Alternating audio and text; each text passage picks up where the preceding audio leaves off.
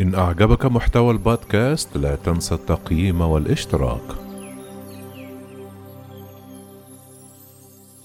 انطلاق حملة التلقيح في المغرب والملك يتلقى الجرعة الأولى. تلقى العاهل المغربي الملك محمد السادس الجرعة الأولى من اللقاح المضاد لفيروس كورونا المستجد في القصر الملكي بمدينة فاس وسط البلاد. وأشرف الملك محمد السادس على إطلاق الحملة الوطنية للتلقيح ضد العدوى المسببة لمرض كوفيد 19 وذلك بحسب موقع هسبرس المغربي.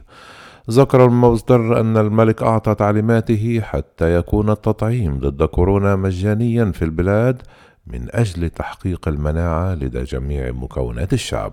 كما تراهن السلطات الصحية في المغرب على تلقيح 80% من السكان من أجل كبح وباء كورونا والعودة إلى الحياة الطبيعية.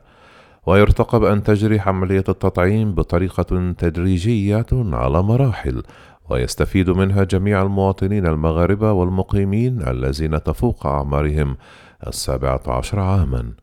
كان المغرب قد تلقى شحنة لقاح أولى من لقاح إسترازينيكا أوكسفورد ثم تسلم شحنة ثانية من لقاح سينوفارم الصيني. كما سجل المغرب أكثر من 469 ألف إصابة بفيروس كورونا المستجد حتى الآن توفي منهم 8224 فيما تماثل ما يزيد عن 447 ألف منهم إلى الشفاء.